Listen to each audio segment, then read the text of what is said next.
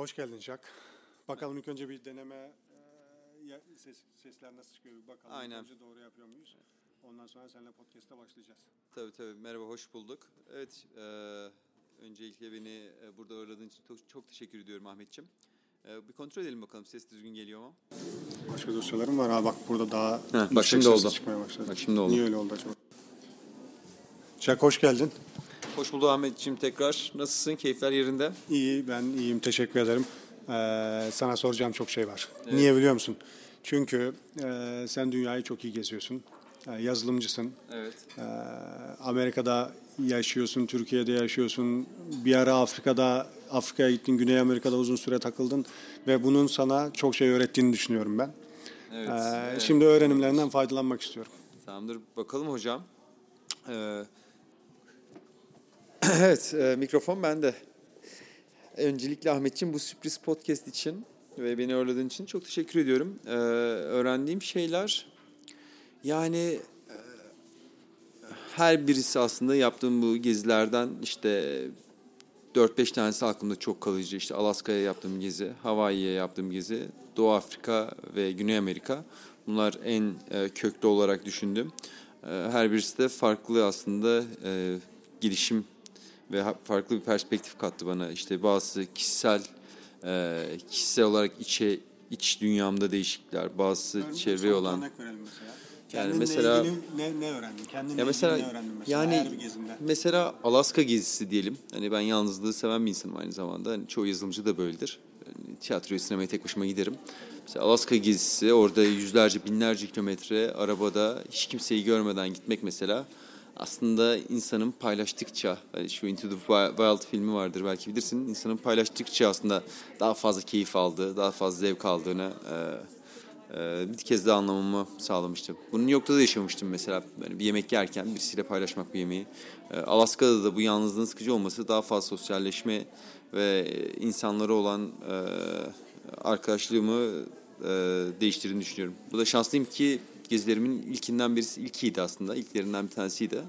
Ee, bu yüzden de güzel bir başlangıç oldu. Binlerce kilometre yalnız giderken ne düşünüyorsun abi?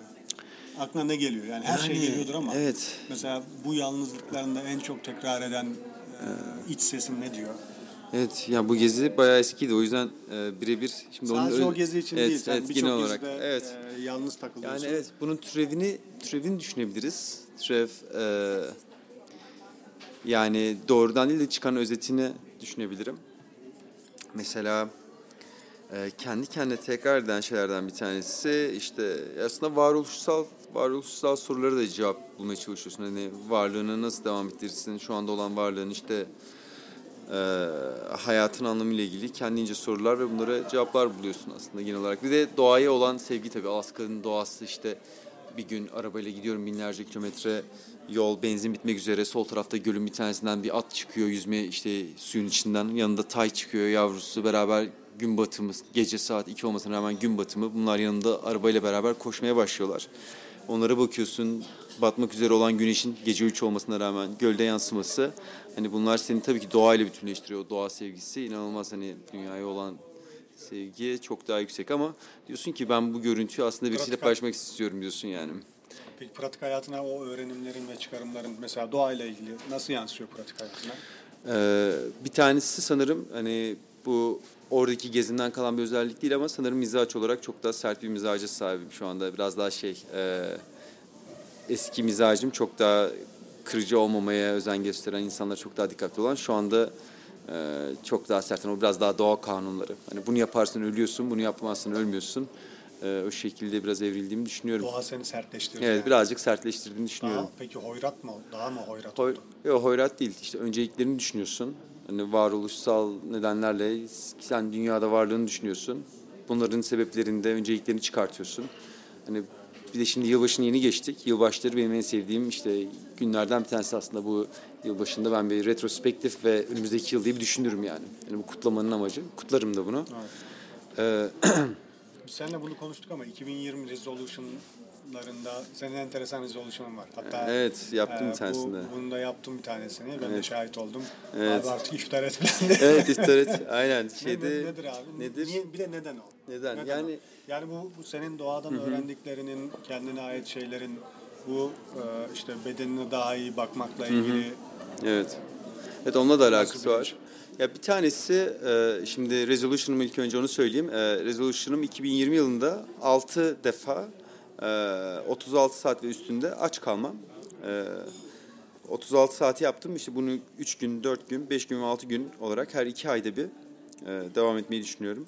E, bunlardan bir tanesi ve en önemlisi aslında nedeni men- mental bir challenge yani. Ben, ben kendimi aslında yani mental kapasite de aslında fiziksel kapasite gibi zorladıkça büyütebileceğin, geliştirebileceğin bir e, kaynak olduğunu düşünüyorum. Bu yüzden dolayı zaten bu gezilerimde de kendimi zorlamaya çalışıyorum olabildiğince. Bunu bir kere yükseltmeye çalışıyorum mental. İkincisi de sağlıksal sebeplerle de aynı zamanda e, su oruçları veya su içerek işte yaşamın belli saat aralık vermenin insülin direnci, ne düşürme açısından olsun kan şekerini düzenleme, e, işte vücudun zararlı işte otofajiye girme vesaire sağlıksal sebeplerle de aynı zamanda yolunu düşünüyorum. Ben zaten 2019 resolution'um sağlıktı. Hani onu e, bütün metrikleri işte %100 çekerek işte inanılmaz bir sağlık performansına oturduk. Şimdi 2020 performansında işte daha mental e, challenge'lara odaklanmaya çalışıyorum. Mental geçen hafta zorluklar. senin e, kan testlerini gördüm. Evet, aynen. Ve orada hiç beklemediğin, doktorun da beklemediği şeyler çıktı. Evet. Mesela bir tanesi kolesteroldü işte. Mesela kolesterol işte 2019'da yaklaşık e, vejeteryan arkadaşlar da vegan arkadaşlar özür diliyorum işte geçen e, yıl orta yaklaşık 1500 tane yumurta yedim. Burada, burada kayıt altına alınsın. 1500 yumurta evet kayıt evet 1500 yumurta inanılmaz bir sayı yani. Ben de duydum şaşırıyorum. Tabii bunların hepsini işte e, en organik işte gezen tavuktu vesaire hani artık kümesinden alma noktasında güzel iyi yumurtalar. Ve arkadaşlarımla da konuşuyoruz. Arkadaşlarımın hepsi yüksek kolesterol bekliyordu. E, doktora gittiğim zaman doktor da hani uzman doktor e, bu kadar düşük kolesterolü uzun zamandır görmediğini söyledi. İşte kolesterol seviyem işte e, 110-120 e, ve iyi kolesterolüm de kötü kolesterolden yüksek. İşte bu aslında orana bakıyoruz normalde. Hani bu da beklenmedik bir şey. Normalde yarısı ya da üçte biri oluyor işte. Hani sağlıksız statüsüne giriyorsun. Üçte birden azsa. Hani benimkisi iyi kötü kolesterolün yüzde 25 üstünde. Ee, mesela bu metrik beni de şaşırttı. Ben de yüksek kolesterol bekliyordum ama işte hani doğru yolda ilerliyormuşuz. Bu 2019 challenge'larından bir tanesini gerçekleştirmişim aslında. Vücudumu da dinlemeyi öğrenmişim. Bu e, senin o değişimlerine gelince ben seni ilk tanıdığımda 120 kilonun üzerindeydin. Evet, değil mi? Aynen. Ee, Kilolu bir insan. ne- hangi noktada abi? Sen çok uzun süre öyle kilolu kaldın. Evet, kadarıyla. aynen aynen. Yani Hayatımızın ne dönemi üniversite. kafanda ne değişti de fiziken değişmek istedin? Evet. Yani burada e, birkaç nokta var. Aslında başlangıcı e, yani sürekli aklımdaydı ama bu herkesin işte fiziksel olarak beğenmediği noktalar var. Çünkü kafamız çok dolu para derdi. Hayatınızda öncelik değil kilo. E, benim öncelik olmasının sebebi e, arkadaşlarla oyun oynarken dizimi burktum. E, ve o dizimi burkunca böyle bir uyuz oldum yani ben nasıl dizimi burkarım işte falan. Sonra Hawaii'ye gittim. Hawaii'de inanılmaz yani Big Island'da. Orada Ironman dünya finaline denk geldim. Kona, Aynı hafta? Kona. Kona'da aynen. Bütün Ironman'ler toplanıyor. Ironman'lerin Ironman'i seçiliyor orada. Ee, orada böyle bir hafta geçirdim. Hala dizim de ağrıyor biraz falan. İnsanlar makine gibi 84 yaşında işte 180 kilometre bisiklet yapıp 10 kilometre yüzüyor. işte 40 kilometre maratonunu koşuyor adam orada yani gözümün önünde. Herkes çakı gibi.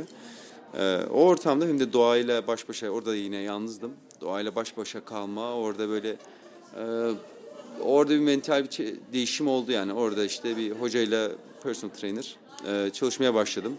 E, yalnızlığın da verdiği bir şey. Hani odaklandım buna. Okumaya başladım bu konuyu. Bu 2017'nin sonu 2018'de başladım bu konuya. Yani 2018'de iki yıl önce. Bu arada başta sormadım ama ne iş yapıyorsun? Nerede evet. çalışıyorsun? Tabii tabii önemli kısımlar bunlar. Ee, merhaba ben Jack Akdemir. Tekrar sıfırdan başladım. Ben Jack Akdemir. Ee, Tumblr'da Remote Engineer olarak uzaktan uzaktan çalışan bir mühendisim. Ee, yaklaşık 2011 yılında Tumblr'ın ilk Search Engineer olarak işe başladım. Ee, sonrasında Engineering Manager olarak görev yaptım. Search and Discovery takımında. Ee, orada iki yıl çalıştıktan sonra pozisyonda e, şu anda Remote Engineer olarak çalışmaya devam ediyorum. E, Hofstra Üniversitesi'nde ders veriyorum. Amerika'da Introduction to Programming dersleri veriyorum. E, bu şekilde e, yelken yapıyorum. E, spor, ilgi alanlarım arasında. Satranç seviyoruz. Ahmet'le satranç kapışıyoruz. Skorları söylemeyeceğim burada. Ahmet'in senin podcast'in olduğu için. bu şekilde ben Jack. Evet. Lichess adresini de söyle insanlar sana. Lichess adresim şu anda kereste müdürü e, nickname'im.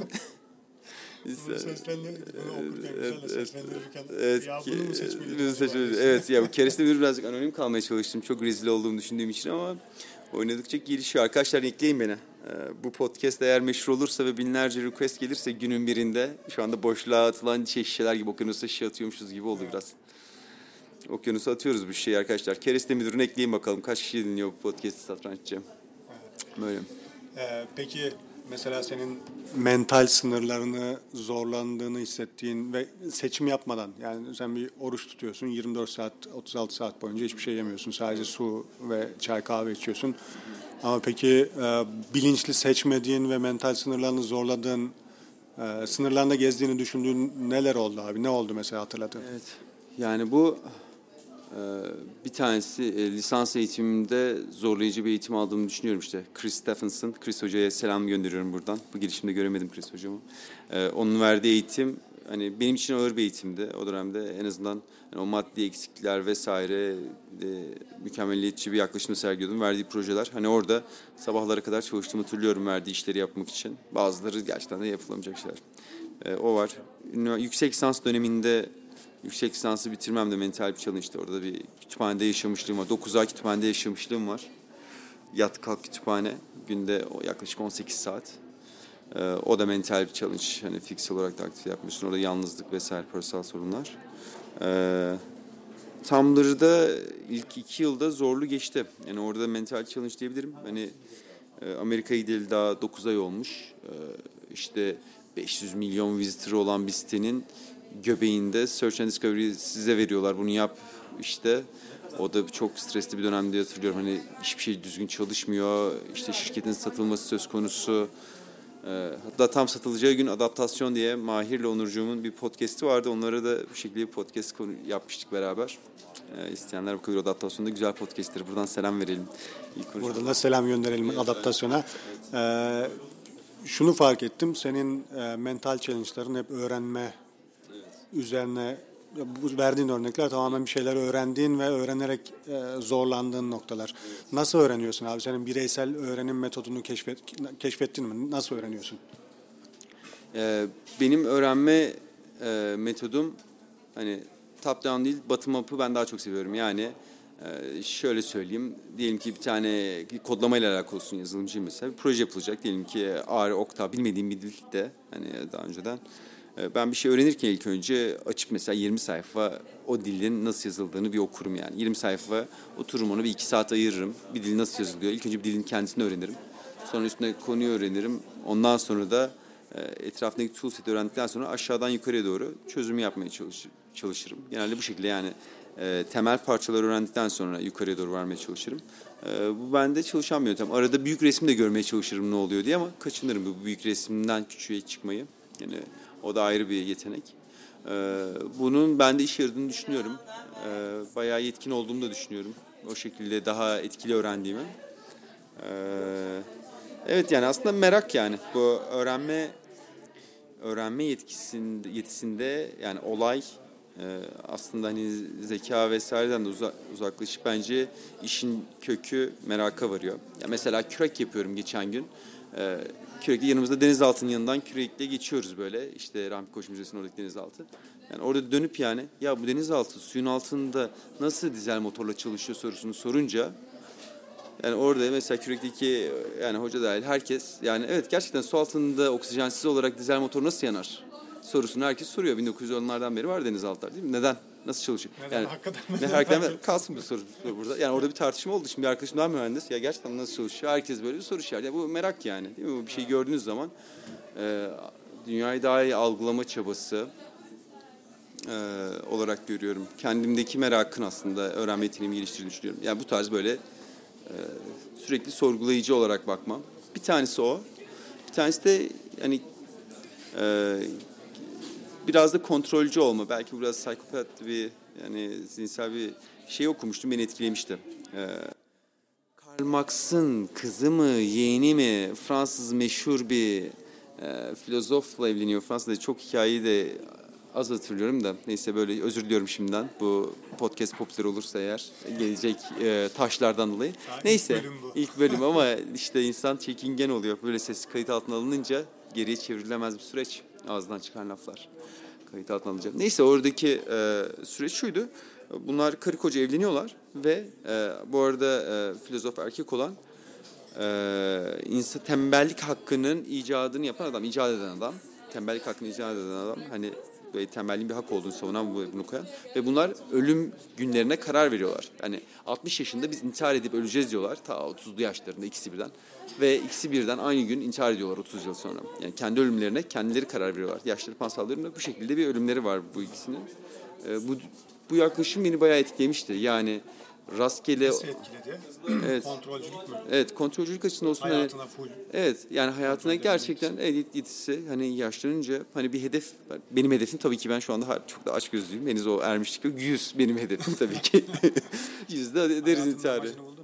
Yok hayatımın amacını abi onun amacı eee, onu düşünüyorum hala yani şey hoşuma gidiyor. Nerelerden geçtin Ort- peki bu orta-? Evet işte ortalığı karıştırma hoşuma gidiyor. Ya bunu karış yani ben şu anda bir ölüm yılı kendime hala belirlemedim tabii ama onların yaşadığı mantalite ve o kafada olunca dolu dolu üretkenlik beni heyecanlandırıyor. Yani bu gözünün açık olmasının sebebi de o aslında. Varlığını düşünüyorsun. Hani diyelim ki bu, bu koskoca dünya tarihinde sadece 60 yıl varsın. Değil mi? 60 yıllık varlığının küçücük bir şey. E, Yani bu da çok klişe.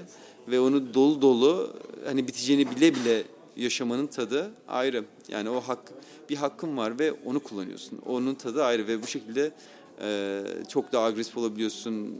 Hani onun biti ve bunu aslında rastgele bitmeyeceğini bilmem. Bunu sen bitireceksin. Çok daha zevkli. Öteki türlü çünkü hani rastgele bir şekilde yatakta ölme bilgisi diyelim ki 65 yaşında insana çok daha sonsuza kadar yaşayacakmışsın hissi veriyor. Ama tam günü söyleyince daha dolu ve zevkli bir yaşam oluyor. Orada mesela ortalığı karıştırma hoşuma gider mesela. İnsanları bazen provokatif sorular sorarsın. Bazen ortalığı karıştırırsın. Böyle bir hani bir karmaşa da toplumsal düzenli bir karmaşa. Yani ya da okuma, anlama e, insanı bayağı özgürleştirdiğini düşünüyorum bu e, yaklaşımın. Hayatı yaşarken öleceğin günü e, mesela böyle bir şey koyma en azından bir pinpoint koyma e, insanı dolu dolu yaşattırıyor. Daha Peki e, mesela öğrendiğin kaynaklardan bir şey öğrendiğin zaman öğrendiğin kaynaklardan kitaplar bunlardan bir kısmı. E, en çok etkilendiğin kitaplar, en çok şey öğrendiğin ve senin bakış açını genişleten ne tür kitaplar var aklına gelen? Evet. Şimdi böyle sorunca da insan söyleyemiyor. Ya çocukluğumda Jules Verne'le büyüdüm ben. Ee, hani Jules Verne'in bütün serilerini okumuştum. İşte Hemingway'i okumuştum. Jules Verne bayağı etkiledi benim mühendis olmamı bence. Yani ya bilgisayar bilimleri tarafında olmamı. Ee, beni böyle kökten insani olarak etkileyen hani Rus edebiyatı, Dostoyevski, işte Suç ve Ceza diyelim. Hani bunlar köşe başı kitapları. Ee, şu anda böyle sorunca da aklıma kitap gel gelmiyor yani. Tamam, o zaman şöyle sorayım. Türk yazarlarda böyle yani 1984 tarzı distopya kitaplar da hoşuma gider. Hani daha farklı tarafta. Ee, yani şu anda birkaç tane kitabım vardı ama unuttum şu anda en iyi, en sevdiğim kitap. Henüz öyle bir e, Tamam peki şu an Şey e, okumakta olduğun ne var? e, Yatağının yanı başında veya. Evet, şu anda yanında şey var. E, Tolstoy'un İnsan Neyle Yaşar kitabı var. E, ona başlayacağım yani daha yeni aldım buradayken. Yani Türkiye'deyken Türkçe okumaya çalışıyorum bu ana dili İngilizce olmayan kitapları da. Hem dilde dil olan yeteneğimi de kaybetmemek için Türkçe'ye olan yeteneğimi. E, o kitaba başlayacağım. Daha henüz e, başlangıç aşamasındayım yani. E, ondan önce bir e, bundan önceki kitabım neydi? E, bundan önceki kitabım e, Kafka'nın Şato kitabı. O da duruyor son işte geldik sonuna doğru geldim yani. Evet bu şekilde böyle derinden etkileyen kitaplar var. Ee, şey iyidir. Ee, gelmedi aklıma. Neyi diyecektim? Yönlendireyim biraz seni.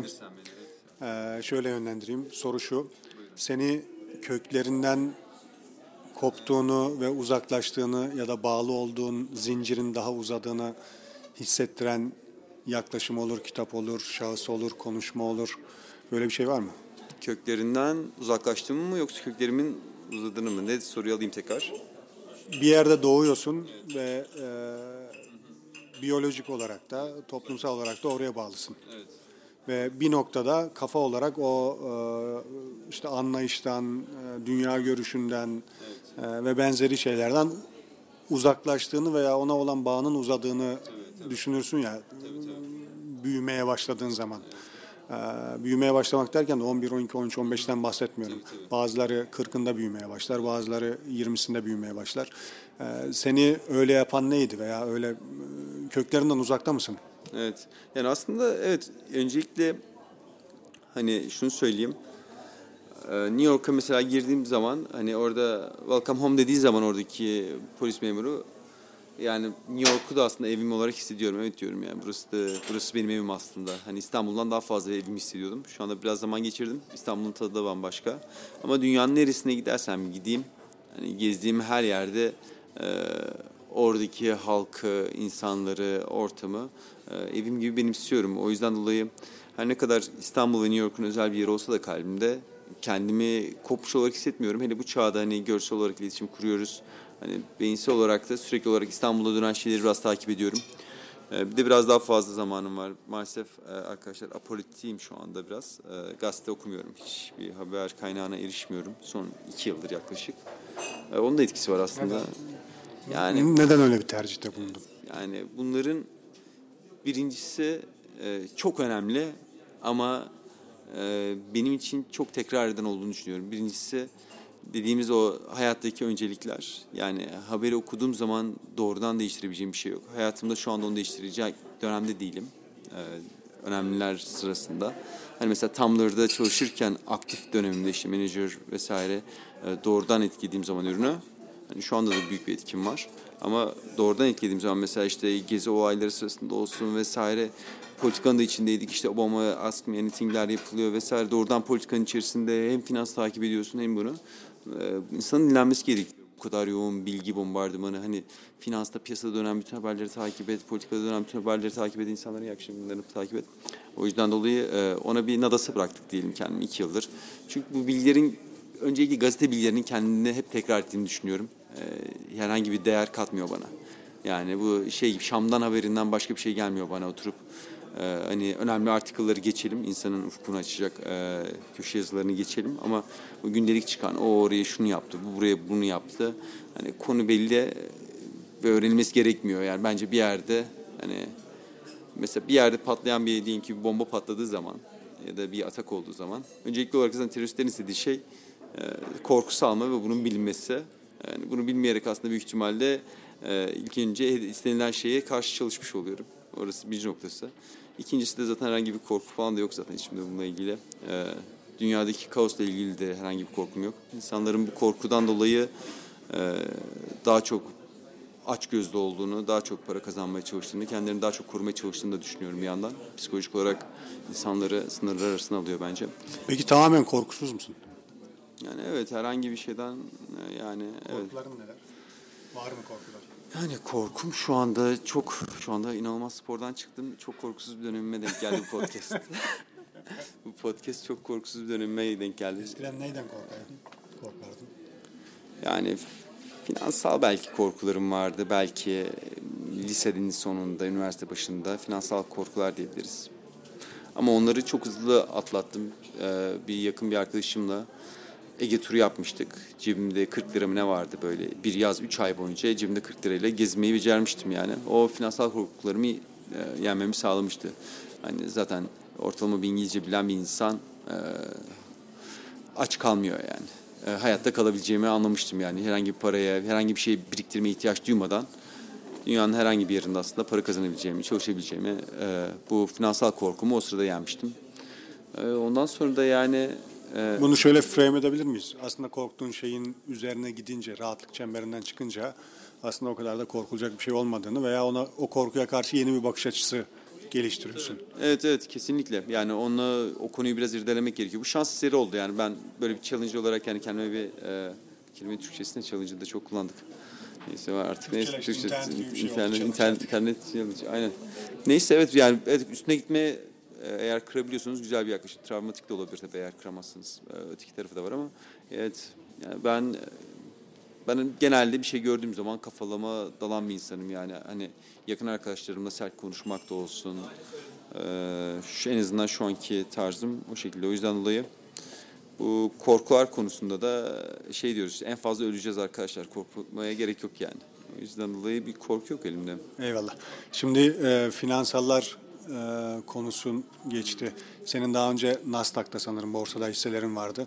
E, hala duruyor mu? Onlarla ilgili e, bir şeyler yapıyor musun? Bir ara e, benim gazımla Bitcoin aldın. sonra, sonra, sonra geri sattın hemen falan. Bu, bu hisseler, hisseler on, on, ne, ne, nedir yani? Ya şimdi orada konu şu, e, ben Nasdaq'ın sanırım e, 2012 yılında ya da 2013 olacak. Nasdaq'ı Nasdaq'ın açılışındaydım. Nasdaq'ın açılış sabah açılışını yaptım işte takımla beraber. E, işte CNBC'lerde, Nasdaq Times Square'da falan canlı gösterildi kameralar karşısında. Öncelikle hisseyi aldığım yeri biliyorum, manavı tanıyorsunuz. Havasını atayım bu ilk podcast olduğu için. E, Şimdi ilk önce Amerika'da eğer bir şirkette çalışıyorsanız e, terminoloji bilmeniz gerekiyor. İşte RSU'lar, stock option'lar, ESPN'ler falan, ESPN, ESPP'ler, Employee Stock Purchase Plan'ler vesaire. Hani bu literatürü zaten bunlar size veriliyor. Siz de bunun ne olduğunu anlamanız gerekiyor. Bunların nasıl vergilendirildiğini anlamanız gerekiyor. Bunların hepsini okumanız gerekiyor. Bunun da tabii ki en önemli yolu pratik. Sizin de başka hisseleri alıp satmanız gerekiyor. Sonra shortları var, longları var vesaire. Yani orada Pandora'nın kutusu açılıyor. Ee, bu sırada... Bir çok takip ediyordun. Evet. Günlük takip ediyordun. Evet, yani günlük olmasa Sonra da gözümüzün önündeydi. Evet yani gözümün önündeydi. En azından bir notification geliyordu. Ee, onun değişimi de yani işte onları tutuyordum. Farklı farklı platformlarda duruyordum. Ee, daha dediğim gibi mesela aktif piyasayı takip etmediğim zaman finans vesaire e, bunlarla olan yetkinliğimin de azaldığını düşün düşündüm. Yani piyasa zaten ben günlük trader falan değildim yani yatırıyordum duruyordu orada da. Öncelikli olarak piyasanın düşeceğini düşündüm. Ee, bir tane e, Bitcoin'in değer değişiminin aslında piyasadaki değer değişimlerini önceden yansıttığını tahmin ediyordum. Beklediğim gibi de oldu. Bitcoin'in çakılması sırasında e, bir hafta arkasından bütün piyasada dağıldı. E, o sırada ben exit yapmıştım öncesinde. Hani yüksek karla olabilecek all time high'da çıktım aslında sahip olduğum hisselerden. Hani şu anda overall index zaten yükselmeye devam ediyor. Bu inişler ve çıkışların aslında sonu yok yani. Büyük ihtimalle orada kalsam hani şu anki belki aynı durumdadır. Ama ben bunu mentor olarak e, o riski almak istemediğim bir durumdaydım. Ve bu yüzden dolayı şu anda e, herhangi bir yatırım bulunmuyor e, piyasada. Bir de krizin gelmesi, kriz ihtimalini düşünüyorum. Hani bu yükü almak istemiyorum sırtıma. E, kriz ihtimali yükü şu ana kadar yapılan birikimlerle ilgili. Anladım. Konuşmuştuk zaten. Krizin neden olabileceği ile ilgili işte 3-4 neden saymıştım. Evet, evet. Şimdi şey sorayım sana. Ee, bu orada borsada daha derinleşmeden önce parayla ilgili ne öğrendin? Ne ne ne, ne varsayıyordun? Ee, ne öğrendin? Sen esnaf çocuğusun bildiğim kadarıyla. Ee, ne, ne hangi varsayımının doğru veya hangi varsayımının yanlış olduğunu fark ettin? Bir de finansmanla ilgili veya para kazanmayla ilgili ee, bizden daha genç arkadaşlara bir tane tavsiyede bulunacak olsan ne olurdu? Evet. Parayla ilgili e, insanların yapma dediği ve benim yaptığım şey e, az kazanırken kazandığımın hepsini harcamanın doğru bir karar olduğunu düşünüyorum. Mesela çok düşük maaşla işe başlamışım bin lirayla ve hiç para biriktirmiyordum o sırada. Zaten gençtim. Risk alma yeteneğimin yüksek olduğunu biliyordum. Ve hiç para biriktirmeden harcıyordum. Sonra bu 3 bin lira oldu. 3 bin lira geldiği zaman bunun hepsini harcadım işte. İşte kılık kıyafet olur, işte cep telefonu olur, eğitim olur. Ee, perspektifimi tabii ki geliştirmeye harcadım. Yani mala mülke değil de e, dünya görüşünü geliştirme olsun, sertifika sınavları, eğitimler vesaire. Hani gelen paranın hepsini aslında kendime yatırım olarak harcadım ve kenarda hiçbir e, para biriktirmesi yapmadım uzun süre. Hani bu çok iyi bir maaşla Türkiye'de aldığım en son iyi maaşa kadar devam etti. Orada biraz biriktirmeye başladım ve o parayı da aldım. Sonra hepsini Amerika'da yüksek lisansa giderken hepsini tekrar büyük bir borcun altına girdim. Hepsini tekrar harcadım. Ee, yine elde hiç para yok. Hani yaş belli bir noktaya gelmiş. Eksi bilmem on binlerce dolardasınız. Sonra Amerika'da işe başladım tekrar. Oradan tekrar para gelmeye başladı. Hani burada artık yaş 30'a geliyor ee, ve sıfır lira var. Orada tekrar birikmeye başlıyor tabii ki para. Hani burada biraz riskli bir yaklaşım benimkisi ama gençliğim ve verdiği şeyle o riski alabildim. Ve şu anda hani belli bir birikimim var. Belki kafam rahat o konuda. En azından hani e, günü gününe düşünmüyorum. Hani e, parasal sıkıntıları. O birincisiydi çünkü bize ailelerimiz çocukluktan itibaren para biriktir, para biriktir diyor. Ama biriktirme kısmı değil aslında önemli olan paranın harcanma kısmı. Yani para biriktirme zaten kenara tutuyorsunuz. Hani belli bir şeye ulaştığı zaman onu doğru şekilde harcamanız gerekiyor. En zararlısı bence şey, lüks tüketim ürünleri. Hani bir cep telefonu yani şu anda artık çok zorunlu ama ben uzun süre cep telefonu almadım yani ihtiyacım yoktu.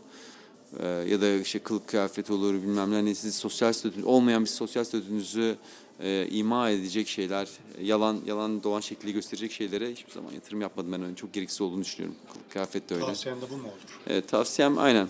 Yani o birincisi bir noktada da hani para biriktirip hemen harcam yani bir sonrasında harcanması gerekiyor. Çok uzun birikmeler değil de diyelim ki 3 aylık parayı biriktiriyorsunuz ve bir şeye yatırım yapmanız gerekiyor tekrardan.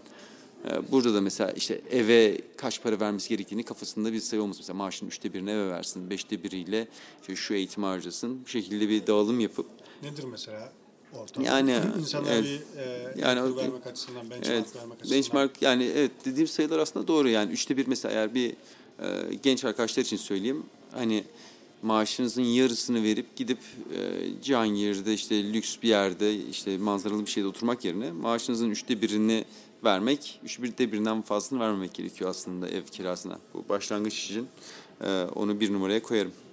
E, bir de e, mesela belli düzenli bir yatırım yapabilirsiniz. Gelen paranızın mesela beşte birini düzenli olarak borsada belli bir şeye yatırıp e, burada nasıl alınıyor, nasıl satılıyor, piyasa nereye gidiyor.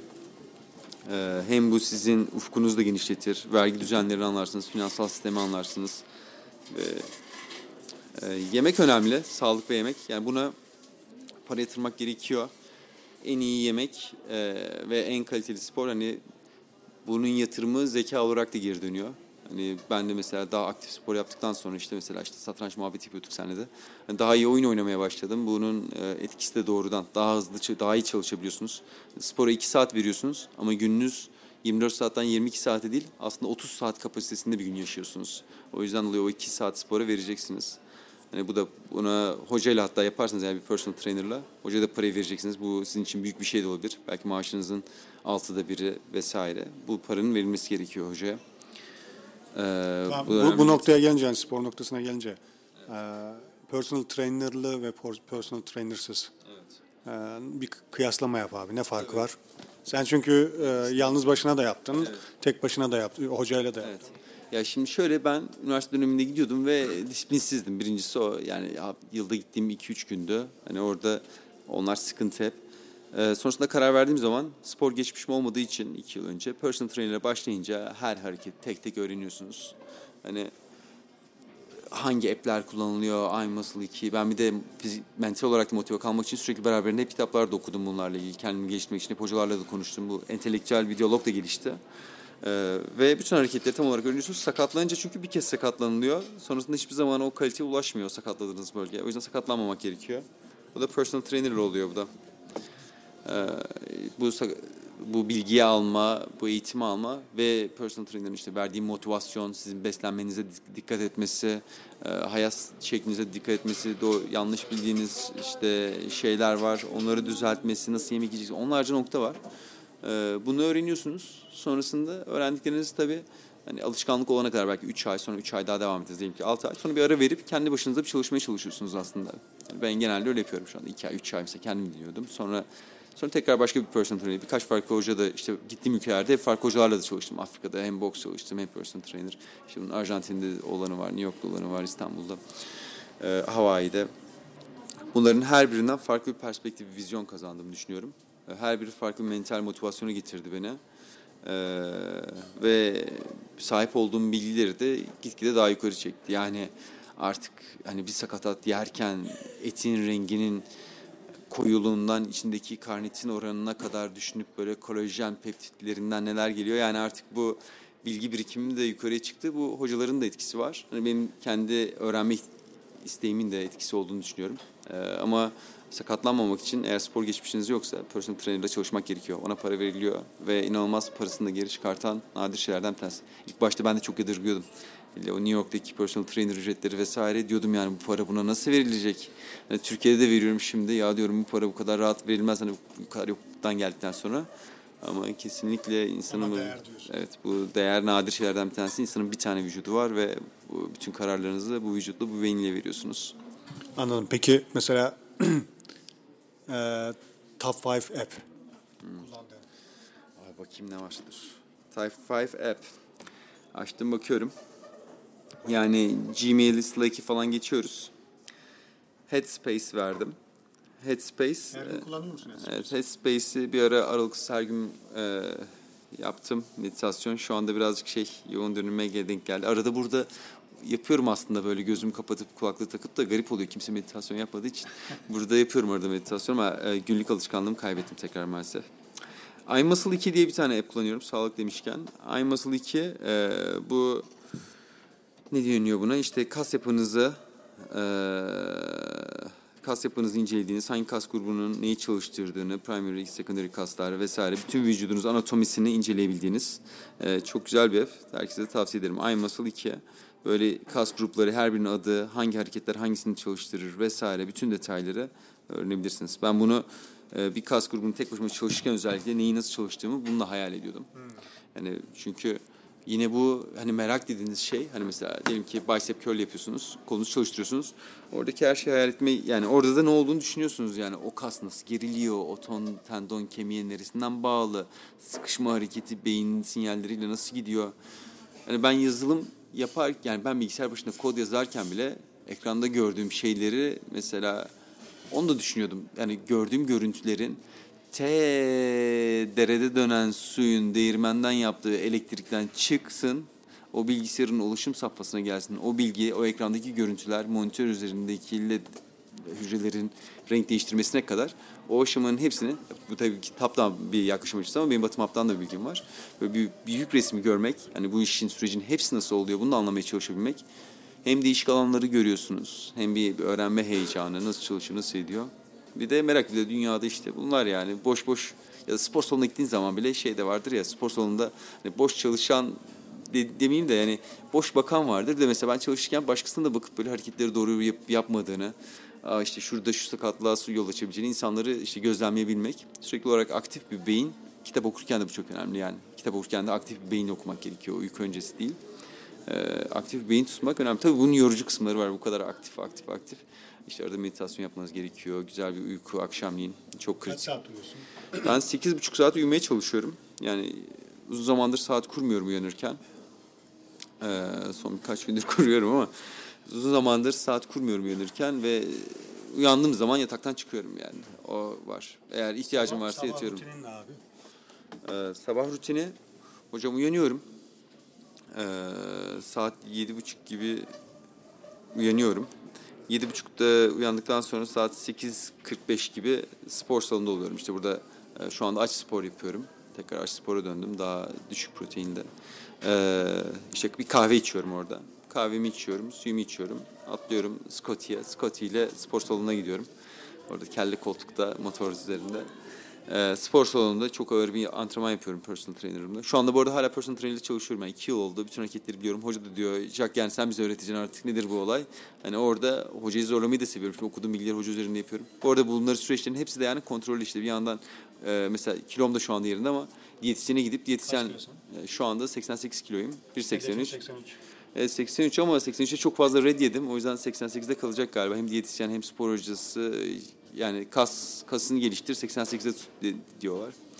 Ee, şey birden fazla göz tarafından da kontrol ettiriyorum mesela. Hani spor hocasıyla çalışıyorum, spor hocasını challenge ediyorum. Bir yandan diyetisyenle konuşuyorum. İşte bu açlık orucunun etkileri mesela. Diyetisyen de diyor niye gittiğini anlamıyor. Diyetisyene gidiyorum ama hani diyetisyenini de zorluyorsunuz, spor hocasını zorluyorsunuz. İşte mesela dermatolog. Niye zorluyorsun abi şey mi? Bilmediğin bir şeyi çıkarmak için mi? Tabii ki yani bu piyasada Yeni bir yaklaşım Evet. için. Evet. Yani dedim ya bu toplumu böyle karıştırma hoşuma gidiyor. Bu insanları da böyle bu insanlar da aslında challenge edilmiyorlar. Bu alanlarında her hepsi birer otorite ve ben onlara mesela hasta oldukları zaman nasıl hasta oldun, neyi yapmadın diye mesela soruyorum. Yani ben orada aslında e, onların rolüne girmek de hoşuma gidiyor. Ya şunu yapmadım mı, bunu yapmadım mı, ne eksik acaba? Hani bir ya da ben mesela işte 2019'da e, hasta olduğum için yapamadığım gün, spor yapamadığım gün, günleri saymıştım. İşte bir buçuk gün, iki gündü yani iki gün boyunca.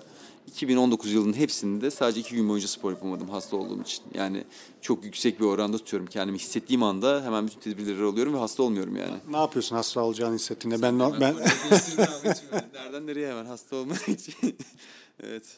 E, dinleyenlerimiz sıkılmasın. Zamanımız var mı? Olmadı iki bölüm yaparız bunu. Hasta Yok olma. e, bir saat, bir buçuk saat. Nereye Konuş, konuş gidersen diyorsun. Konuş diyorsun. Kaset bitmesin. yani. Dinlemeyen zaten. Dinlemeyen dinlemesin. Pauzeler. yani. E, Tam iki bölüm yaparsın bari de reytingimiz düşmesin.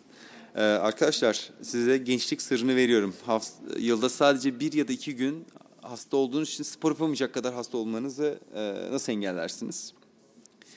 Ee, birincisi halsizliği, birincisi kendi vücudunuzu dinlemeniz gerekiyor. Hani mental mental yorgunluğu uyuyarak atıyorsunuz, meditasyon yapıyorsunuz, temiz bir zihin ve vücudunuzda ne olduğunu hasta mı oluyorsunuz, halsizliğinin sebebi yemeksizlik mi yoksa iş yoğunluğu mu, stres mi yoksa gerçekten e, bir bağışıklık sisteminizde düşüşlü mü var? Yani bunu anlamanız gerekiyor. E, Birinci nokta bu insanın kendi vücudunu tanıması çok kritik. E, Ben onu başardım. Hani anlayabiliyorum hangi baskının nasıl hissettirdiğini şu anda. E, Bunu yaptıktan sonra o gün geldi. Kendinize hafif bir hasta hissediyorsunuz. Bu arada ben short tişört, Scott tepesinde karlar içerisinde kürek yapmaya gidiyorum. Hani ona rağmen hasta olmuyorum. O yüzden şey zorlu bir hayatım olduğunu söyleyebilirim. Ona rağmen tutuyorum Ne bu sayıyı. Yani hissettiğinde evet. Evet şimdi onları vereyim.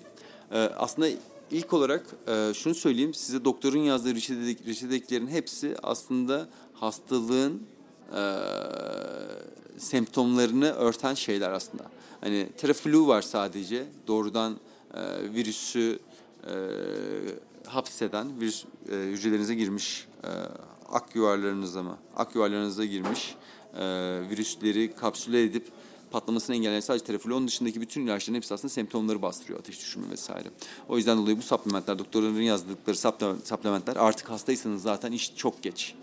Olay hasta olabilirim sorusunu sorduğunuz anda başlıyor. En kritik nokta o. Orayı gördüğünüz anda aldığınız su miktarını yükseltiyorsunuz. Ee, yarım saat Kaç, Ka- ne, kaç litre su içiyorsun? ee, ya burada kural ben e, yaklaşık spor yapıyorsam eğer aktif 4-5 litre civarında içiyorum su.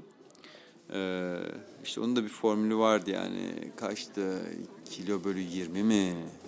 Evet kilo bölü 20 olabilir. Yani için işte 4-5 litre çok yok. Yani aslında bunun en güzel tarifi hani profesyonel olimpik atletler tarafından da söylenen e, sen de konuşmuştuk. Tuvalete gittiğin zaman idrarın rengine bakıyorsun.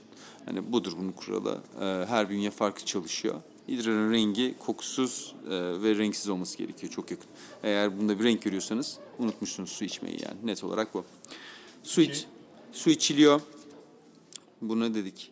E, 30 dakika hafif tempo kardiyo yapıyorsunuz. Nabız e, 120-130 arasında. Çok zorlamıyorsunuz. Bunu hastalığının hasta hissediyorsunuz. Birinci, ikinci ve üçüncü gün yapıyorsunuz. Eğer kurtaramadıysanız sporu kesin devam etmeyin buna. İlk üç günde bunları yapmanız gerekiyor. E, Neye yarıyor bu? ee, Bu vücuttaki kan dolaşımını arttırıyorsunuz. Ee, Vücudun ısısını yükseltiyorsunuz. Ee, Bu da bağışıklık sistemini tetikliyor. Vücudun oluşum sürecini tetikliyor. Ee, Vücudu sıcak tutmaya da çalışıyoruz bir yandan. Vücudu beslemeye de çalışıyoruz. Yani burada iki hareketlilik besliyor. Yani eve kapanmak aslında bir dezavantaj yaratıyor. Bu tabii ki daha hissettiğiniz an. Ee, suyu verdik, bunu verdik. Ee, protein ağırlıklı değil, karbo ağırlıklı biraz daha yemek gerekiyor ve az yemek gerekiyor. O halsizlik hissinin olduğu gün. O ilk günü söylüyorum yani. Ee, proteinle vücudu yormuyoruz. Düşük karp bes, e, düşük besleniyoruz e, kalori açısından ve yüksek e, protein almıyoruz. Düşük miktarda karb alıyoruz. Sonrasında ben e, C vitamini desteği ve Umko aldım. Geçen sefer bir hissediyordum. Umko diye bir şey keşfettim. O da yani, yani o kadar şey çok şey beraber yaptım ki hangisinin etkilediğini de bilmiyorum. Bu arada bununla ilgili bir notum olacak. Hani bu kadar çok fazla şey korumaya çalışmayın kendinizi. Vücudun kendi kendine koruması lazım ama bunu başka bir sefer bakarız bu konuya. Ee, başka e, greyfurt diyorsunuz, bitki çaylarınızı içiyorsunuz, kış çayları. Ee, bir de benim şey karışımım vardı. Tarçın, zencefil, zerdeçal, e, karabiber. Bunu balla karıştırıyorum. Evet aynen. Ee, Yani bununla ilgili bir tweet atmıştım. Şimdi gördüm ben de aynen. 3 Ocak'ta yazdım. Hasta gibi iki yanından bir bardak suya 30 tane damlatıyorsun. Aynen. Yani biz çocuklara da yapıyoruz. Evet çok iyi yani. Ee, Bayağı da işe yarıyor. Aynen ben bunu yeni duydum. Ee, eskiden yoktu sanırım. Son 3-4 yıldır sanırım popüler olmuş durumda. Ee, dediğim gibi bu kadar fazla koruma, işte kış çayını söyledim. Şunların hepsini bir söyleyeyim. Ee, kış çayıydı, sporumuzu verdik, e, suyumuzu içtik. verdik, düşük beslendik. Ee, bazı zencefil, zerdeçal tarçınımızı aldık, greyfurtumuzu aldık, C vitamini desteğini aldık, umkayı aldık. Yani zaten bunları yapıyorsunuz. Düşük yoğunlukta stresten uzak kalıyorsunuz biraz da. Kendinizi birazcık rahat bırakıyorsunuz. Hani stres altına sokmuyorsunuz. Uykunuzu bol alıyorsunuz. Ee, ve e, hasta olmuyorsun bu şekilde. Bunu tabii ki sadece bir ya da iki gün yapıyorsun. Yani hasta olacağın gün ya da sporunu yapıyorsun, her şeyini yapıyorsun. Hasta olacağın gün ve bir sonraki gün belki yapıyorsun. Kalori miktarını Evet. atladım ben. Yüksek protein düşük karp mı? Ee, yok. Ee, hasta olunacak gün düşük protein yapıyoruz. Yüksek karp yapıyoruz ama total kaloride günlük ihtiyacının altında alıyorsun. Ki vücut bağışıklık sistemiyle uğraşsın yemekle değil. Yani ağır beslenmek. Tabii ki bunun içinde alkol almıyorsunuz o gün. Hani bunu söylemek. Alkol yok. Mümkünse eğer kafein de yok. Çünkü vücutta su tutmaya çalışıyorsunuz. Ee, vücutta onun da iki sebebi var. Bu su konusu önemli. Vücut birincisi halsizken susadığını hissetmiyor.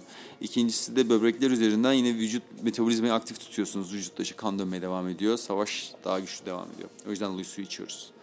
Hem savaşı sürdürme hem de susuzluğu unuttuğunuz için işte nörolojik yapınız iyi çalışmıyor. Ee, savunma sistemi de iyi çalışmıyor. İyi Anladım. Harika anlattın. Ee, konuyu tamamen değiştiriyorum. Buyurun. Tumblr'a ne oluyor abi?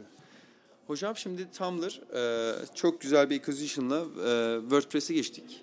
WordPress e, hani dünyada açık interneti savunan, savunan nadir ortamlardan bir tanesiydi.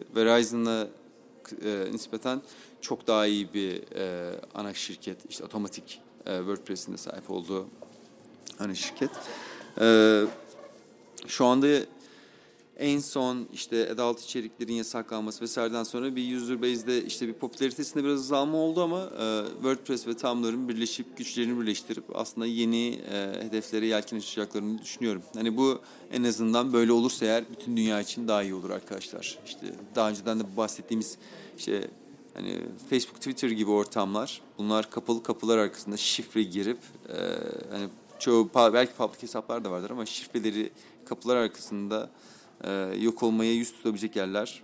Blogging'in, açık internetin olduğu ortamlar, herkesin bir şey arayıp bulabildiği Tumblr, WordPress gibi blog ortamının meşhurluğu, interneti daha eğlenceli, bilgiyi daha e, erişilebilir kılar. O yüzden dolayı WordPress, Tumblr ortaklığının başarıya ulaşması bütün dünyanın geleceği açısından e, daha iyi olur. Vi- vizyonları ne Tumblr artı e, WordPress'in? Yani bu CMS sistemleri, daha doğrusu yayın platformları nereye gidiyor?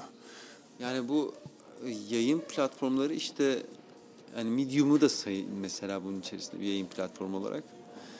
Yani bunların bir bir yere gidiyorsa işte internet bütün dünya internete dönüyor. İnternette de insanlar bir şekilde kendilerini ifade ediyor. Nereye gidiyor sorusu e, piyasa değerlendirmeleri açısından hala güçlüler. Arada bir zıplıyorlar hani Twitter düşüyor çıkıyor vesaire karlılık sıkıntıları olduğu için. Teknolojinin geleceği açısından soruyorum. Mesela decentralized bir sistem mi oluyor veya işte analog basın e, Ya evet bu Jack Dorsey'nin geçen açıklaması vardı onu Twitter'da decentralize yapacağız vesaire diye de. Yani bu e, bu ana akım medyanın işte yok olması burada yani çok etkileyici bir cümle söyleyebileceğim sanırım işte klişeler var benim de elimde yani söyleyebileceğim işte dünya e, açık işte açık bilginin olduğu e, öncelikli olarak hani e, şimdi birkaç tane nokta var belki sana ilginç bilgi vermeye çalışabileceğim. İlginç bilgilerden bir tanesi algoritmik olarak e, tükettiğiniz bu sosyal network'teki haberler var. Şimdi bu e, algoritmik tüketim e, aslında mesela Facebook vesaire buna ilk geçtiğinde Instagram çok geç geçti hatta şu anda onda mı deniyorlar galiba hala.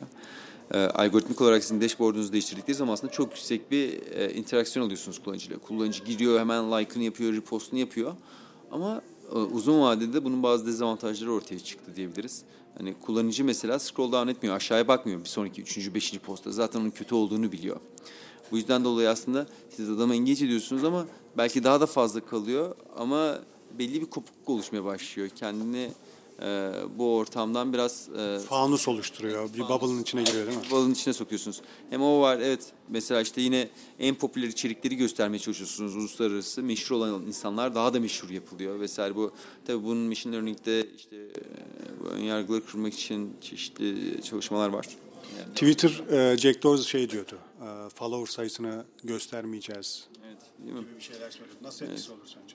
Evet bence e, yani evet follower sayısını göstermeme e, güzel bir deneme olur. Bilmiyorum güzel bir deneme olur ama yani insanlar sonuçta Yani şimdi ya verified olacak hesabınız. Yani bu konuşan sesin de güvenilirliğini insan merak ediyor. Şimdi mesela Trump diye arattığınız zaman the real Trump mı? Ee, işte hangisinin doğru hesap olduğunu ya verified'den anlarsınız ya da takip sayısından anlarsınız değil mi? Şimdi internette bir şeye baktığın zaman mesela Facebook'ta bir grup aratıyorsun ya da başka tamlarda bir şey aratıyorsun. Ya bunların hangisi gerçekten yaratıcı dediğin zaman kaçar takipçisi var oraya bakıyorsun oradan çıkartıyorsun. Şimdi böyle bir dezavantajı olabilir. Ee, ama insanların herkesin sözünün daha yakın birbirine yakın geldiği, birbirine popülaritesinin yakınlaştığı hani bu e, düşünce lideri diye bir şey var sonuçta. Ama daha eşit bir ortam olması açısından bence doğru bir yaklaşım. Herkes daha eşit söz sahibi olsun diye. Teknolojide kalarak başka bir noktaya geçiyorum. Birisi 40 yaşında kariyer değiştirmek istiyor. Yazılımcı olmak istiyor. Karşında o var diyelim ve 10 dakikada yönlendireceksin onu. Mentor, mentörlük yapacaksın, koçluk yapacaksın. Ee, Hangi e, dilden, nasıl bir öğrenim metodundan, hangi teknolojilere eğilmesi gerektiğinden, nasıl öğreneceğinden, bilgiyi alacak yerlerden, kaynaklardan filan bir cevap vereceğim diyelim. Ne, ne söylersin? Şimdi birincisi e, yazılımcı mı yapıyoruz dedik bu kişiye. Background'ı çok önemli. Yani bu insan mühendis mi yoksa e, aşçı mı yoksa işte otel işletmecisi mi? Hani kim bu insan olduğu bu çok önemli bir soru. Sosyolog diyelim. Sosyolog. Yani ilk önce sosyolog çok zor. İşte bu şey sayısal background. Onun için o soruyu sordun zaten. Çok ağır. Tamam sosyoloğu yapmayı, sosyoloğu yazılımcı mı yapmaya çalışıyoruz? Evet. Ben bir sosyoloğu yazılımcı yapmaya çalışsam. Yapar mısın? Bir sosyolog gelse yazılımcı. Yani yazılımcı olmak zorundayım yoksa beni öldürecekler derse eğer. yani yapı, başka bir şans bir sosyolog ancak o şekilde yazılımcı olur desin. olur da yani. Yazık adam da yazılımcı olmasın abi. Sosyolog çok güzel işte mesleğini yapsın diye yazılımcı ama neyse yani olmak zorundaysa eğer sen öyle bir tasvir sunduğun için ben öyle diyorum yani. Yapmak zorundayım galiba yazılımcı. Evet, ya- değil mi? ya- Başka ya çare yok. öldürecek. öldürecek değil mi? O yüzden yazılımcı yapıyoruz yani ölmemek için. Yani birincisi İngilizcesini kontrol ediyoruz. İlk adım bir İngilizce İngilizcesini belli bir seviyeye getiriyoruz. O paralelle başlıyor. İki numarada e, bir üniversitede lisans programına yazarım yani. Burada e, git sınava gir. E, lisans programına herhangi bir üniversitenin lisans programına gir. Mühendislik mi? Bilgisayar, bilgisayar mühendisliği yazılsın. O paralelde bir ilerlesin. Yani bunun katkısından değil de orada bir motivasyon, bir network'ün içine girsin ilk önce. Mi? Yazılımcı, yazılım bilen insanlar network'üne en hızlı girme, bedava girmenin yolu e, üniversite. Orada duracak, etrafında yazılımcılar görecek. Soru sorduğu zaman inşallah bana sormaz. Burada ben bu cevabı verdiğim için. Onun bir network'ü sokmuş oluyoruz. İngilizcesini bitirdik, üniversitesine soktuk. Ee, üçüncü aşamada yani benim düşüncem, yani çok başarılı olmadı bunu daha önceden e, denemiştim ama e, ben olsam şu anda piyasada işte mesela web tabanlı yazılımlar var, işte iOS app'leri geliştirebilirsiniz, Android app'leri geliştirebilirsiniz, birkaç tane yöntem var. E, hani oturup Tamam sen daha fazla bu işkenceyi yapmayacağım. Şunu söylüyorum 40 yaşında mühendis. Mühendis, ha, oh tamamdır abi, sağ olasın. 40 yaşında mühendis Veya daha kolay. 30 yaşında mühendis. Evet, veya tamam, 25 mühendis- yaşında Veya 20 yaşında. Tamam, mühendis daha kolay yani. biz- Öğreniyor. Evet, evet tamam. Öğrenci. Öğrenci, evet. bil- Mühendislik öğrencisi. Evet, Allah razı olsun. Evet yani şeyde bilgisayar yani çünkü bilgisayar kullandırmayı falan öğretecektik yani. Ha, o yüzden yani tamam biz o. sen de iyice gömdün. Evet, arkadaş. evet, Arkayı sosyal arkayı. Abi o sosyoloji. Adama İngilizce öğrettin, adama bir de adama öğrettin, kadına da değil. İngilizce öğrettin bilmem ne. Var değil mi orada? Yapacak bir şey yok abi. Ama bilmiyorlar galiba. Yani gerçi şu anda üniversitelerimizde İngilizce mezunu çıkıyor galiba sosyologlarımız. Evet bilmiyorum. Mühendislik öğrencisi. Mühendislik öğrencisi. Tamam mühendislik öğrencisi.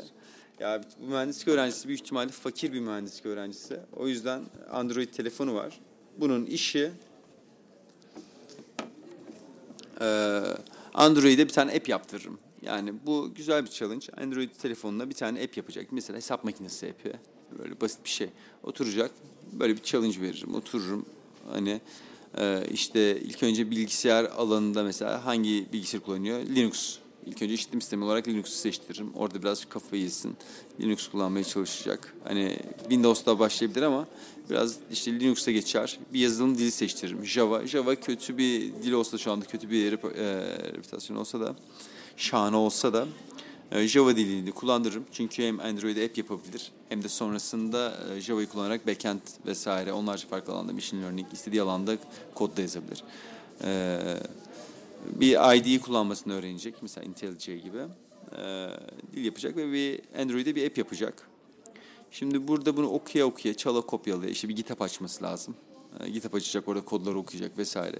Bir tane kitap alacak, Introduction to Java kitabı. Buradan bunları okuya okuya, adım adım soruları çözü çözü ilerlemesi lazım. E, Benim tavsiyem bu olabilir, olurdu yani.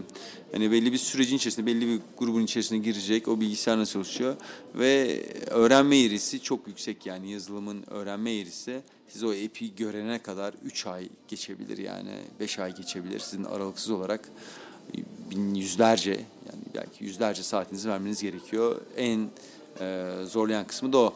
Hani sizin pes etmemeniz lazım yazılımda. Kaç saat koyması lazım ortalama?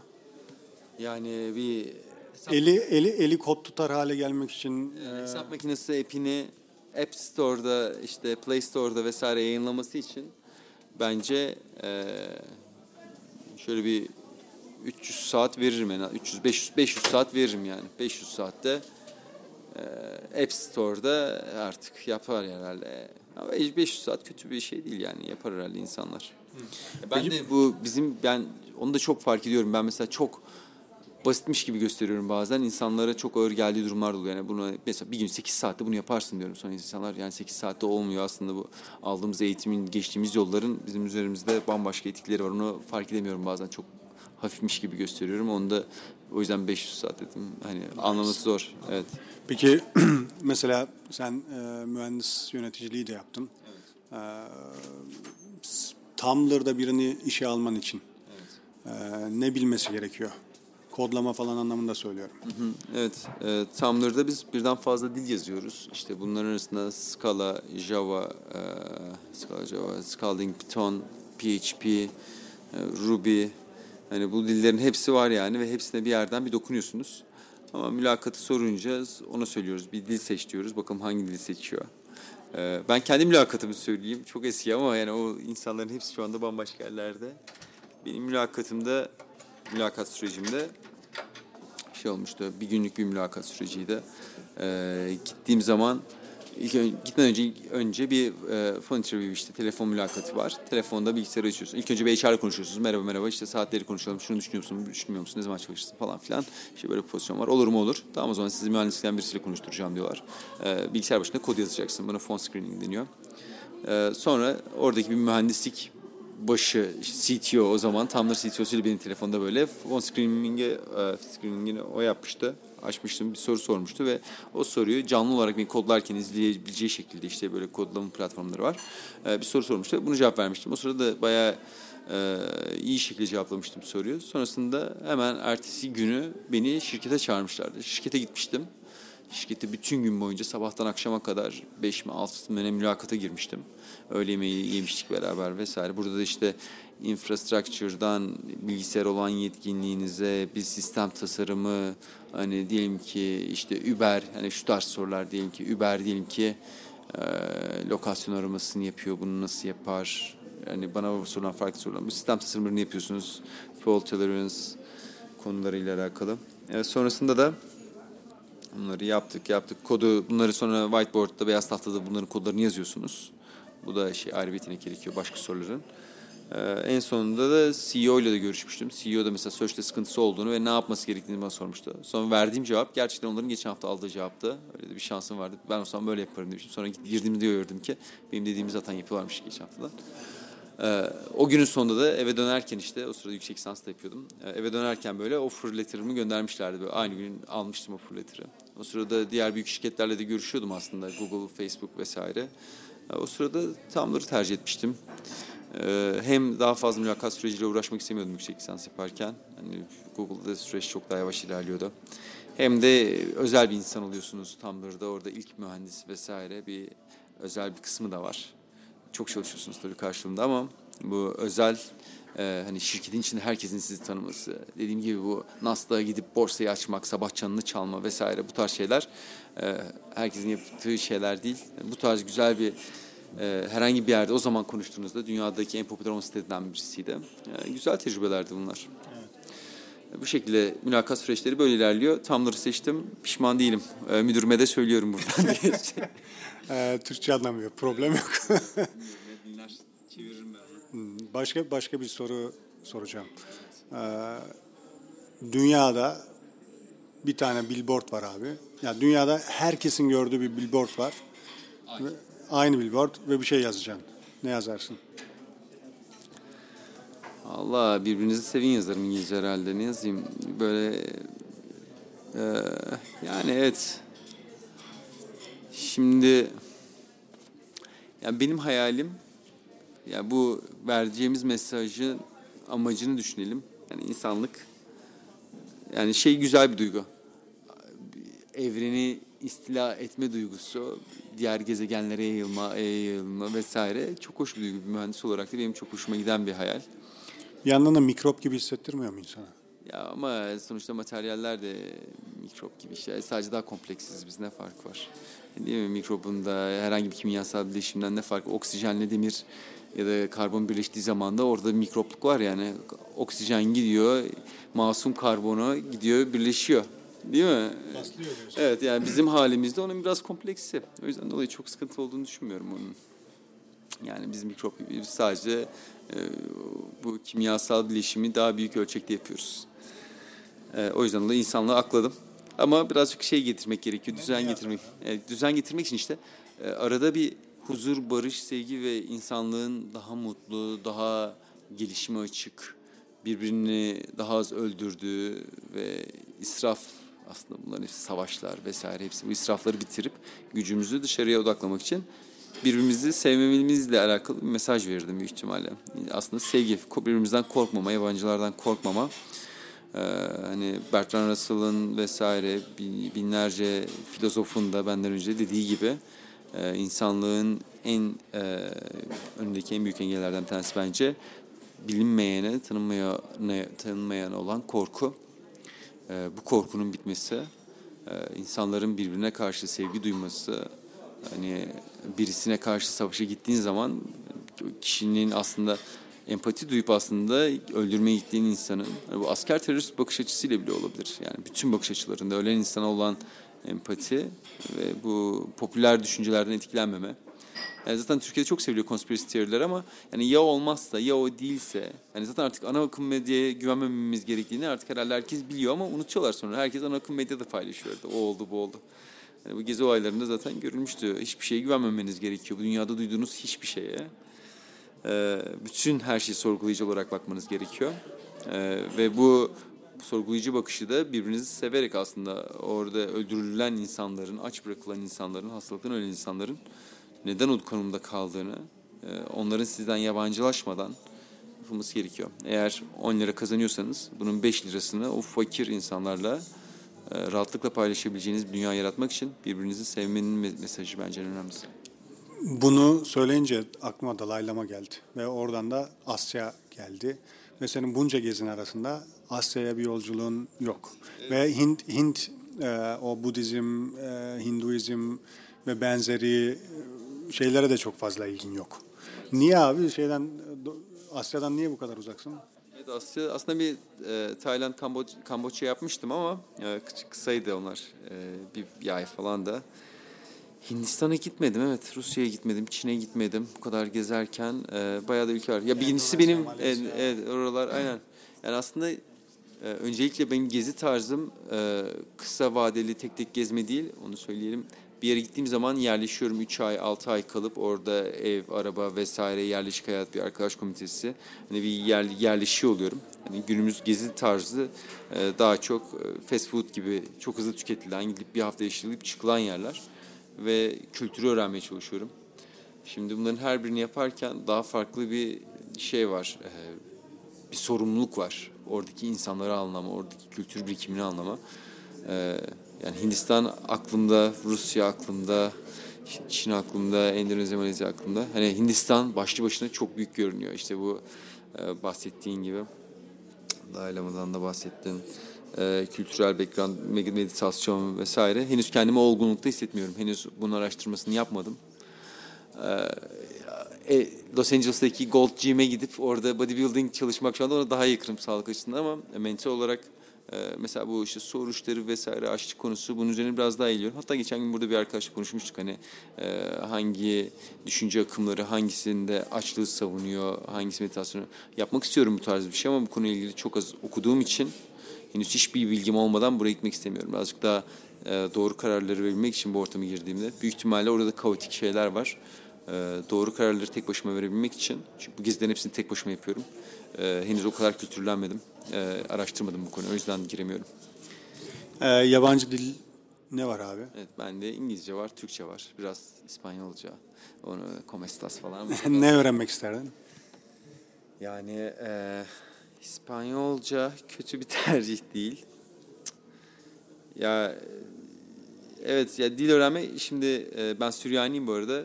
Şimdi bir akraba baskısı var. o Süryanice öğren falan ama hiç kimse kullanmadığı için Süryanice öğrenmek biraz şey e, e, emek biraz boşa çıkıyor. E, Efficiency'ye de bakıyorum. Aynen öğrendiğim dilin e, Çince en verimli. Çince. Evet, Çin, evet kalabalığa. Yani işte öğrendiğin dil birkaç açıya perspektife bölelim bunu. Birincisi bu dille ilgili tarihte üretilen kültürel birikimle. Yani sen yeni bir perspektif sana ne katacak bu dil? Bu dili öğrendin, hangi kitapları onun dilinde okuyabileceksin vesaire. Bu, buna bir bakarım. Ee, finansız koyabilirsin. Parasal olarak sana bu dilin getirisi ne olacak vesaire. Hani kültürü koyduk. Finans, finans olarak sana ne getiriyor? Ee, bir sosyal anlamı e, da koyabilirsin. Ee, bu dilde e, yaşayacağın yeni arkadaşlıklar, dostluklar, o insan grubuna dahil olma vesaire büyük bir komiteye giriyorsun. Hani bu üçünü beraber düşünmek lazım. Ee, maalesef bilmiyorum yani benim zekadan mıdır? ne? Dil öğrenmek benim için çok zor hocam. Yani dil e, çok zor öğreniyorum. O sabrı belki yeniden yeniden öğrenmeye çalışıyorum. O kadar odaklanamıyorum. Dil çok uzun vadede büyük bir koşu gibi geliyor. Başka şeyler yapmak daha heyecan veriyor. O yüzden şükür İngilizceyi öğrendik diyorum yani tek dilde ama e, bir dil daha öğrenmek lazım hani bunun. Tamam peki mesela bu İngilizceye gelmişken e, İngil- sen İngilizceyi sonradan öğrendin doğru mu? Doğru. Ve Amerika'da çalışmadan önce pratiğin akıcılığın yoktu. Evet, Türkiye'deki gibiydi. E, nasıl geliştirilir abi bu İngilizce? Evet. Ya İngilizce'de e, işte dört ana başlığa bölüyoruz dinleyen dostlarım. E, reading, listening, speak- speaking ve writing yani konuşma, dinleme, yazma ve okuma. Bu dört ana alana bölüyorsunuz dile. E, dil nasıl geliştirilir? Bir dil kursuna yazılıyorsunuz paşa paşa ve e, bu dört alanın her birinde bir yazı yazmaya çalışıyorsunuz. Tabii ki bunlar önce dil bilgisi, bunların çatısında da dil bilgisi ve kelime bilgisi var. Bu dört ayak üzerinde dil bilgisi ve çatı e, kelime bilgisini koyuyorsunuz. Ama günlük hayatınızda İngilizce şarkıları dinliyoruz. Bu şarkıları sonra dinliyoruz. Yani listening. Dinlerken anlamaya çalışıyorsunuz. Her zaman aktif yapıyoruz. Beynin çalışıyor orada. Burada ne diyor, ne diyor, ne diyor diye. Sonra bunu şarkıyı söylemeye çalışıyorsunuz. Söylerken speaking yapıyorsunuz. Sonra bunu okuyorsunuz, anlamaya çalışıyorsunuz. Kelime bilgi dağarcığınız gelişiyor, dil bilginiz artıyor. Aynısını televizyonda da yapıyorsunuz. Belki film izlerken önce Türkçe altyazı, sonra İngilizce altyazı, sonra hiç altyazısız izlemeniz gerekiyor. Yani İngilizce altyazı tehlikeli bir şey. Orada kalmamanız lazım. Bunu kapatacaksınız. Hiç altyazısız dinleyerek böyle izleyerek anlamaya çalışacaksınız ne oluyor diye. Yani bu sosyal aktivitelerinizin hepsini İngilizce tabanlı yapıyorsunuz. Ee, Her gün düzenli olarak e, düşüncelerinizi İngilizce işte yazı yazmanız gerekiyor. İngilizce yazmanız gerekiyor. İngilizce okumanız gerekiyor, konuşmanız gerekiyor. Yani bir dil kursuyla etrafınızda İngilizce öğrenmeye çalışan diğer insanların da olması gerekiyor. Yani önemlisi de bunun size faydasını mental olarak odakta kalmak için her zaman düşünmek lazım. Siz İngilizce öğrenince ne oluyor? Para mı geliyor? Arkadaş mı dinliyorsunuz? Ne oluyor? O hedefe yoksa hedeften şaşarsınız. Anladım. E, çok teşekkür ediyoruz. Ben teşekkür ederim abi. İnanılmaz güzel bir e, sohbetti. E, dinleyiciler de eminim e, çok faydalanacaktır bunlardan. E, kapatma, closure'ı sen yap. Roger. Ee, podcast'inde beni aradığın için tekrar çok teşekkür ediyorum. Umarım bunu dinleyen insanlar için de e, faydalı, onların hayatlarında yeni pencere, yeni sayfalar açar e, anlattıklarım. E, bana isterlerse e, nereden ulaşabilirler? E, senin üzerinden podcast'imizin altında yorum bırakabilirler. Instagram hesabını söyleyebilirsin. Yani Instagram hesabından bana e, şu an public profilim oradan yazabilirler. J Akdemir. J Akdemir adresinden Jack Demir yani. E, buradan bana yazabilirler ulaşmak isteyenler. E, ama podcast'inde sana başarılar diliyorum. Çok zevkli bir muhabbette. Teşekkür ederim. Ba- Son soru. E, sen bu podcast'i bir sonraki konuk e, kimi dinlemek istersin bu podcast? Kimi, kimi davet edeyim? Kimi dinlemek? Kiminle konuşayım? Yani şimdi podcast'imizin konusunu bilmiyorum ama eğer teknik anlamda kalacaksam benim hani Teknik değil, öğrenme. işte Evet, ya ben benim şimdiye kadar tanıdığım Kitaplar. en zeki, en muhalif, en yaratıcı ve özgürlükçü insan herhalde birebir bu kadar yakın olduğum Chris Hoca vardı. Benim de hani mentorlarımdan bir tanesiydi. Üniversitede hocamdı yani. Chris Hoca e, ile konuşsa burada aynen o da karşıda Kadıköy'de konuşur da konuşur herhalde bilmiyorum. Ya, Chris Hoca'nın da programı yoğun ama e, Hoca'yı hem de ben de dinlemiş olurum bu sorularına cevap veriyor. Çünkü on, yani ne söylese her zaman e, heyecan verici bakış açımızı açan bir e, yapısı var. Onu dinlemek hoşuma gider. Tamam biz biz biz bir sonraki konu kendisine ulaşacağım. Emin değilim Chris Hoca kabul eder mi etmez mi? Ama senin selamını söyleyeceğim. Ee, Jack seni dinlemek istiyormuş. Gidecek Jack oradan e, sana ihtiyacı varmış mentörlüğüne diyeceğim. E, süper olur ya. Buradan da selamlar tekrar kendisine. Tamam çok teşekkür ediyoruz. Burada kapatıyoruz programı. Biz tekrar e, kapattıktan sonra ya dedim yediğin hurmaları sormayı unuttum. E, yediğin hurmalar diye sormayayım da hem yediğin hurmalar diye sorayım hem de e, bir daha ben bu hatayı yapmam veya şu şu şu dersi çıkardım dediğin e, neler oldu? Oldu mu ya da öyle bir şey? Yani e, o kadar büyük bir pişmanlığım yok bu hayatta. Ama e, Ders aldığın bir ders var. aldığım yani ders başıma ders olarak gelmedi ama mesela yardım istediğim insanları doğru seçme hani e, ya o kadar büyük bir o kadar büyük yanlış kararlar vermedim yani belki de çok pozitif düşündüğüm için verdiğim yanlış kararların beni sürüklediği yerlerden her zaman hoşnut oldum. Hani farklı perspektif kazandı mesela üniversitede işte en iyi üniversiteye belki gidemedim ama bana kazandırdığı farklı perspektifler üzerine yaslandığım için Hani tavla oyunu gibi yani kötü zar geliyor arada ama umursamıyorsun yani tekrar oyun düzenini yeniden kuruyorsun ve ilerliyorsun. O yüzden dolayı büyük bir pişmanlığım yok yani bu soruya doğrudan verebileceğim bir cevabım da yok. Bazen e, yardım hani yardım istediğiniz insanlara yardım istemek biraz zor geliyordu belki bana. Hani yardım istediğim insan hoşuma gitmiyor mesela. Çok fazla. Orada mesela ya şu insandan bu yardımı bu kadar istemeseydim vesaire gibi şeyler de oluyor bazen ama e, çok kritik bir şey yok yani. Öyle büyük bir pişmanlığım. Hurma hurmalar varsa da düşünmüyorum yani aklımda hurma olarak kalmamış onların hiçbiri. Demek ki o kadar e, canını acıtmamış. Evet canım acıtmadı. Anladım. Teşekkür ediyoruz. Çok sağ olun. Görüşürüz.